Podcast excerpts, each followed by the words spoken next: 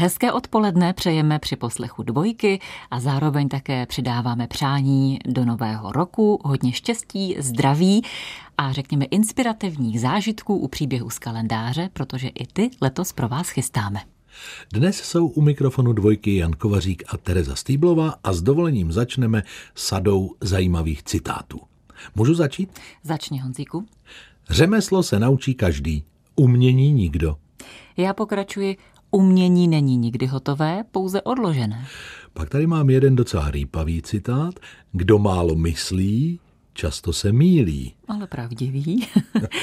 Tak jako nepoužívané železo rezaví a stojatá voda zahnívá, tak mozek bez cvičení lenivý. No a teď už je na čase vysvětlit, že to byly citáty, které pronesl náš dnešní hrdina. Hovořil totiž z vlastní zkušenosti. Málo kdo v lidské historii totiž zaměstnával mozkové závity tak pilně jako on. Však také po sobě zanechal monumentální dílo. A není snad oblast, ve které by nepředběhl svoji dobu. Musíme teď zarazit všechny Cimrmanology, kteří plesali nad tím, že je to je Jára Cimrman. Není. Není náš muž žil v době renesance v Itálii a to už je naše první indicie. A druhá, namaloval nejslavnější obraz světa, ale věnoval se také astronomii, vojenství, anatomii, ekologii. Hmm. Jeho geniální mozek zkrátka těkal z jednoho oboru do druhého. A přitom nestudoval na žádné univerzitě. Navíc pocházel z docela zvláštní rodiny. Pravděpodobně trochu šilhal. A horko těžko se prý učil psát. A třetí indicie, dnes o našem hrdinovi budeme mluvit v souvislosti s letectvím. No, když se tak na to zpětně koukám, těch indicí jsme dali asi 12. Zkuste to tedy dneska uhádnout. 3. ledna posloucháte na dvojce příběhy z kalendáře, jejichž hrdinou bude bez jakékoliv nadsázky renesanční člověk. Těžko najít výstěžnější označení pro muže, v jehož stopách se dnes vydáme. No, to těžko, protože to označení podle něj dokonce vzniklo. Stačí říct Leonardo da Vinci a každý se vybaví všestraného umělce. Tak si to pojďme nějak zrekapitulovat. Namaloval portrét Mony Lízy. Ano, to mě u něj naskočí jako první. Navrhl také řadu fantastických strojů, které se podařilo sestrojit až o mnoho století později. Třeba ponorku, tank nebo helikoptéru. Ostatně letectví se týká i dnešní výročí. Leonardo totiž vždy záviděl ptákům a přemýšlel, jak by se i člověk mohl vznést k nebesům. Hmm. A právě 3. ledna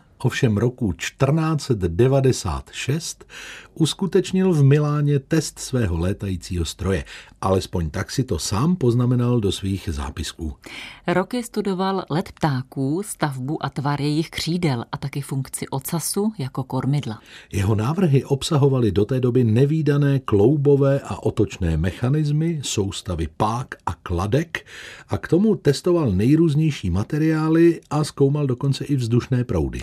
Jenže počítal jenom s lidským pohonem a to bylo tehdy málo. Hmm. Když se tedy jeho létající stroj koncem 15. století neodlepil od země, Leonardo neskrýval zklamání. Až po mnoha staletích se ukázalo, že jeho myšlenky o aerodynamice a vztlaku byly správné. Chyběla mu jenom maličkost spalovací motor. Vlastně ano. Přesto na stavbu vzdušných plavidel nezanevřel. Vymýšlel kluzáky ve tvaru netopířích křídel. V jeho poznámkách lze najít i skicu vzdušného šroubu o průměru zhruba pěti metrů vyrobeného z rákosu, plátna a drátu. Podle nákresu ho měli pohánět čtyři muži, ale ani tento stroj by pravděpodobně nedokázal vzlétnout. Přesto byla Leonardova myšlenka správná, což ve 20. století dokázali helikoptéry. A co vás možná překvapí, připisuje se mu také návrh padáku. Do poznámek si napsal, cituji, Máli člověk nad sebou stanovou střechu z hustého plátna o rozměru 4x4 metry, bude moci bez úhony spadnout z jakékoliv výšky. Na dvojce posloucháte příběhy z kalendáře s datem 3. ledna. U mikrofonu jsou Jan Kovařík a Tereza Stýblová. No a dnes jsme do té novoroční party přibrali Leonarda da Vinciho. Hmm, slušná společnost. Ano, velice příjemná. Ví se o jeho vynálezech poměrně dost, ale když bychom se vrátili do jeho dětství, tak nevíme téměř nic. No, dochovaly se jen příběhy, které nelze stoprocentně ověřit. Jeden z nich vypráví o vztahu florenského právníka Piera a chudé 15-leté dívky Kateriny, která sloužila v domě jeho přítele. No byl by to docela obyčejný románek, kdyby z něj nevzešel jeden z největších myslitelů historie. Leonardo se narodil 15. dubna 1452 nedaleko města Vinci, od kterého odvozoval i své jméno. Příběh o šťastné rodině se ovšem jaksi nekonal. Piero se rok poté oženil s bohatou dívkou a ženicha si našla také Katerina. Ačkoliv byl Leonardo nemanželským dítětem, otec na něho nezanevřel. Vzal si ho k sobě a dohlédl, aby se mu dostalo slušného vzdělání. Brzy si všiml, že chlapec krásně maluje. Jednou mu dal dřevěný štít, aby na něj namaloval srdce. Leonardo se pustil do díla, jenže po svém. On totiž chtěl, aby obrázek působil strašidelně, asi jako hlava bájné medúzy. Do pokoje prý nanosil množství ještěrek, hadů, kobylek, netopírů a další havěti. Všechny podrobil důkladné pitvě a z částí těl pak sestavil hrůzostrašné monstrum, které proměňovalo vzduch na oheň. Zatímco maloval a tvořil, tak jeho pokojem se linul zápach hnícího masa. Ale mladý umělec to ve svém zápalu vůbec nevnímal. Hm. Když byl po několika dnech hotov, otec úžasl. To se nedivím. Já se taky nedivím. Co na to říkala maminka, o tom se v historii nepíše ani slovo. Podstatné je, že v 17 letech otec Leonarda poslal do učení a jeho mistrem se stal slavný malíř Andrea del Verrocchio. O úrovni umělecké dílny svědčí i fakt, že s Leonardem studoval i další slavný malíř Sandro Botticelli. Pod Verrocchiovým dohledem si Leonardo osvojil základy chemie a metalurgie. O tři roky později pracoval se svým mistrem na obrazu Křest Krista. Verrocchio poté uznal, že ho student s náskokem předstihl a podle pověsti se rozhodl, že sám už nikdy malovat nebude. A co na to řekl Leonardo? Prý toto špatný žák, který nepřevyšuje svého mistra. Zatím o hrdinovi dnešních příběhů z kalendáře, Leonardu da Vincim, víme jen to, že byl nemanželským dítětem a krásně maloval. Ale nebojte se, z jeho mládí existují i další zajímavé střípky. Dochovaly se zprávy, že dokázal holýma rukama ohýbat železné pruty. Nebo zvládl přelomit podkovu, pokud byla z olova. Většina biografií ho popisuje jako muže nebývalé tělesné krásy s vlnitými vlasy a osobitým stylem.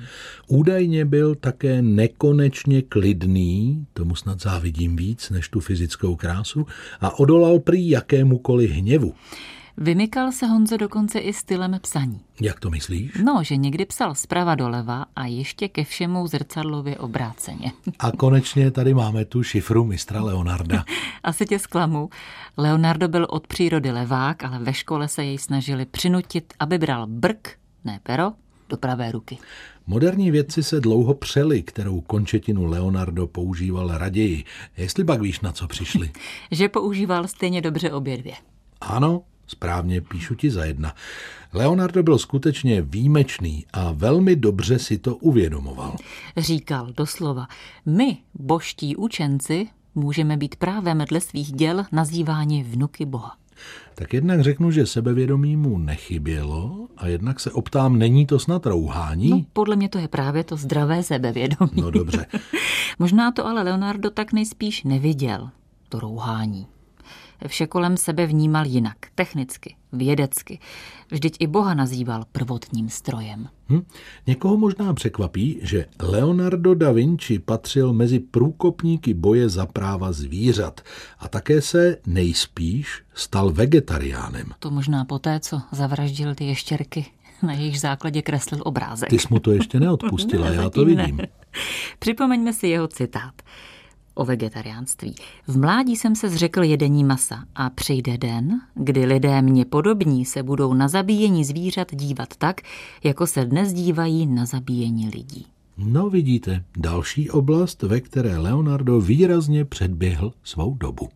3. ledna 1496 se slavný renesanční muž Leonardo da Vinci pokusil vzlétnout, ale bohužel to neklaplo. Zpočátku se tento nemanželský synek projevoval v uvozovkách pouze jako velice talentovaný malíř, ale my víme, že toho uměl daleko více. Možná i proto mu nechybělo sebevědomí.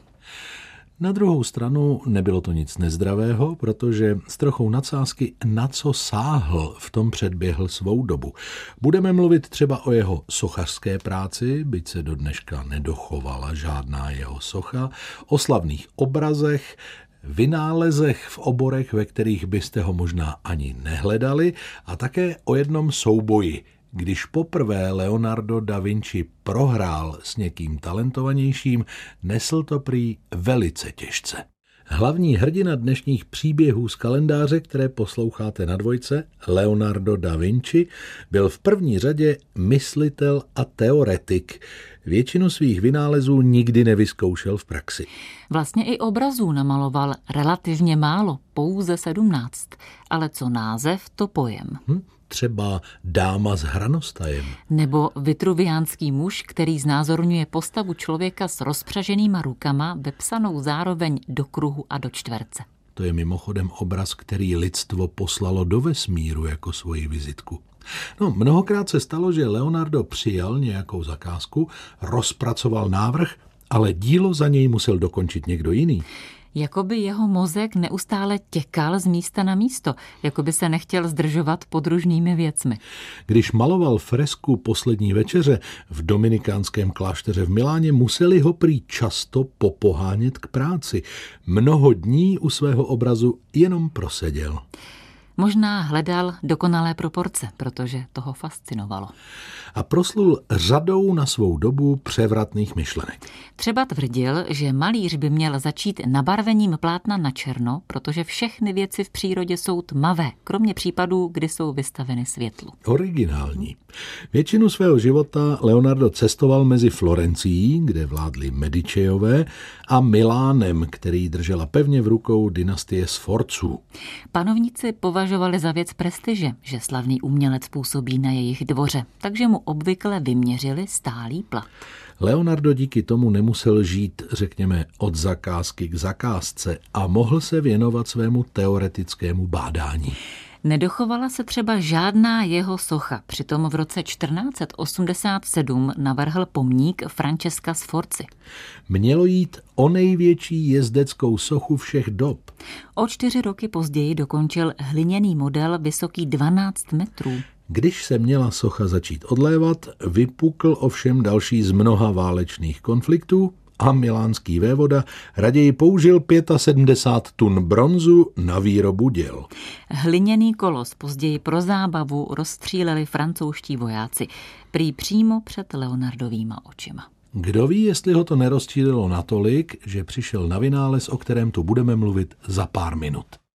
Pacifista ve službách války. I tak by se dal schrnout vztah Leonarda da Vinciho, o kterém si dnes povídáme v příbězích z kalendáře k vojenství.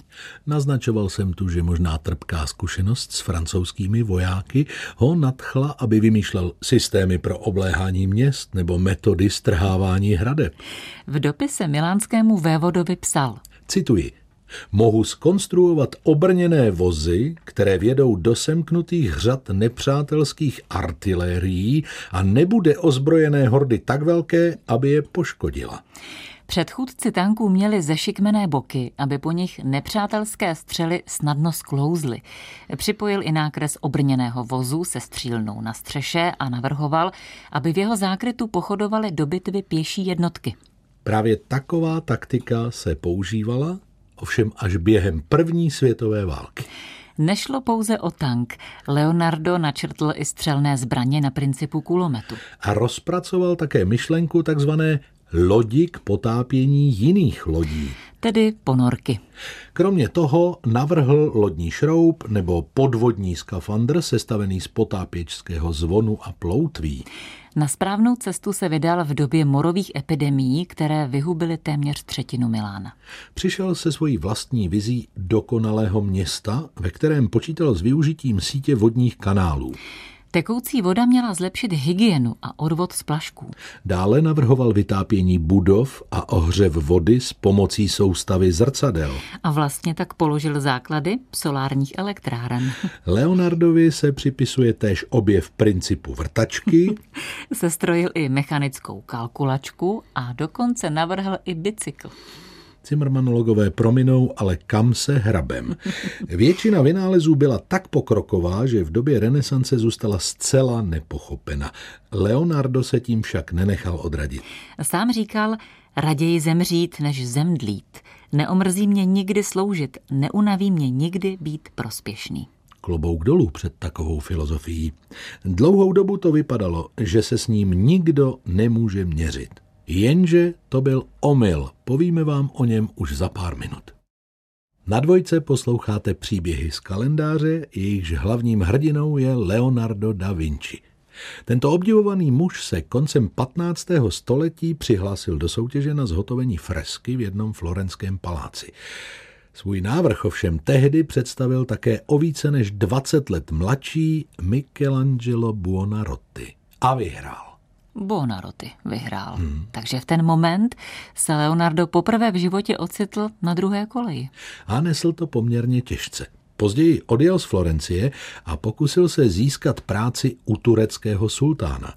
Navrhl pro něj ohromující vysutý most, dlouhý zhruba 420 metrů. Řeknete dnes nic výjimečného, ale tehdy ta myšlenka působila opravdu absurdně. A tak není divu, že sultán návrh odmítl. Ve stejné době onen Michelangelo odhalil pětimetrovou sochu Davida a obyvatelé Florencie rázem měli nového hrdinu. Nikdo netušil, že Leonardo ještě neřekl poslední slovo a má u sebe něco, čím navěky ohromí celý svět. Obraz Monelízy. Navzdory různým dohadům a teoriím, že se jedná o Leonardův autoportrét, se odborníci ve směs shodují, že na desce stopolového dřeva je Liza del Giocondo, manželka florenského kupce. Leonardo na tomto obraze jako první malíř použil metodu sfumato, díky které nejsou vidět jednotlivé tahy štětcem. Dokonce je prý možné, že k nevýdanému pojetí obrazu autorovi pomohla vrozená oční vada, takzvaný strabismus. Pozor, ale byl to velký fešák, takže chceš říct, že nejslavnější malíř světa šilhal? Je to možné, já taky malinko šilhám, nevšimla jsi? Taky si fešák, to je pravda. No ale nikdy jsem nenamaloval nic, co by se jen vzdáleně přiblížilo Moně Líze. Leonardo prý viděl pouze dvourozměrně, což mu při malířské práci paradoxně pomáhalo. Na Moně Líze v první fázi pracoval tři roky, ale zadavateli své dílo nikdy nepředal. Během 15 let obraz neustále zdokonaloval, pak ale musel přestat. Dobová zpráva říká, Nelze očekávat, že Leonardo vytvoří další kvalitní dílo, protože jeho pravá ruka je postižena určitým druhem paralýzy. Monolízu nakonec prodal francouzskému králi Františkovi I. a krátce poté zemřel. Přesně 2. května leta páně 1519. V té době byl v Itálii napůl zapomenutým mužem z pověstí Podivína a na většinu jeho díla se snášel prach. Příběhy z kalendáře na dvojce o Leonardu da Vincim pomalu končí a my jsme ještě nemluvili o jeho soukromí. No ono vlastně není co řešit, milá kolegyně. Hmm. Nikdy se neoženil, děti neměl. Není divu, že se objevily tehdy nejrůznější spekulace. No nešlo jenom o spekulace. Ještě jako tovariše ho vyslýchali kvůli homosexuálním stykům. Ty se tehdy trestali smrtí. Přesto vyvázel bez postihu. Zda byl Francesco Melci něco víc než jeho žák a důvěrník, se už asi nikdo nikdy nedozví. Každopádně jen díky němu se Leonardovy zápisky dochovaly. Po plodném mysliteli zůstalo zhruba 7 tisíc stran nesouvislých poznámek, které Francesco Melci systematicky uspořádal. Leonardovo dílo bylo v plné šíři znovu objeveno až v 19. století. Stejně tak se na dlouhá staletí zapomnělo i na obraz Monelízy. A to je zajímavá historka. Portrét vysel na zámku ve Versailles, pak v Napoleonově ložnici a nakonec v Louvru, odkud ho v roce 1911 někdo ukradl. No, původně podezření padlo třeba na Pabla Picasa, ale pak se ukázalo, že obraz odcizil zaměstnanec galerie. Netrpělivý zaměstnanec odhalen byl o tři roky později, když se Monulízu pokusil prodat. V roce 2017 se Leonardův portrét Ježíše Krista, pojmenovaný Spasitel světa, stal nejdražším obrazem historie. Leonardovo dílo dnes zná celý svět, ale místo jeho posledního spočinutí jasné není. Dnes má spíš jen symbolickou hrobku v kapli francouzského zámku Amboise. Jak sám napsal, vše krásné umírá s člověkem, ne však umění. Takové byly letos první příběhy z kalendáře a my bychom se měli podívat, co nás čeká zítra. Já se podívám, Honzo. Ju, tak to už se těším. Hele, já bych tolik nenapovídal. Tak to, dobře. To jsme možná řekli víc, než jsme chtěli, ale těšíme se na vás pár minut po páté. Mějte se hezky.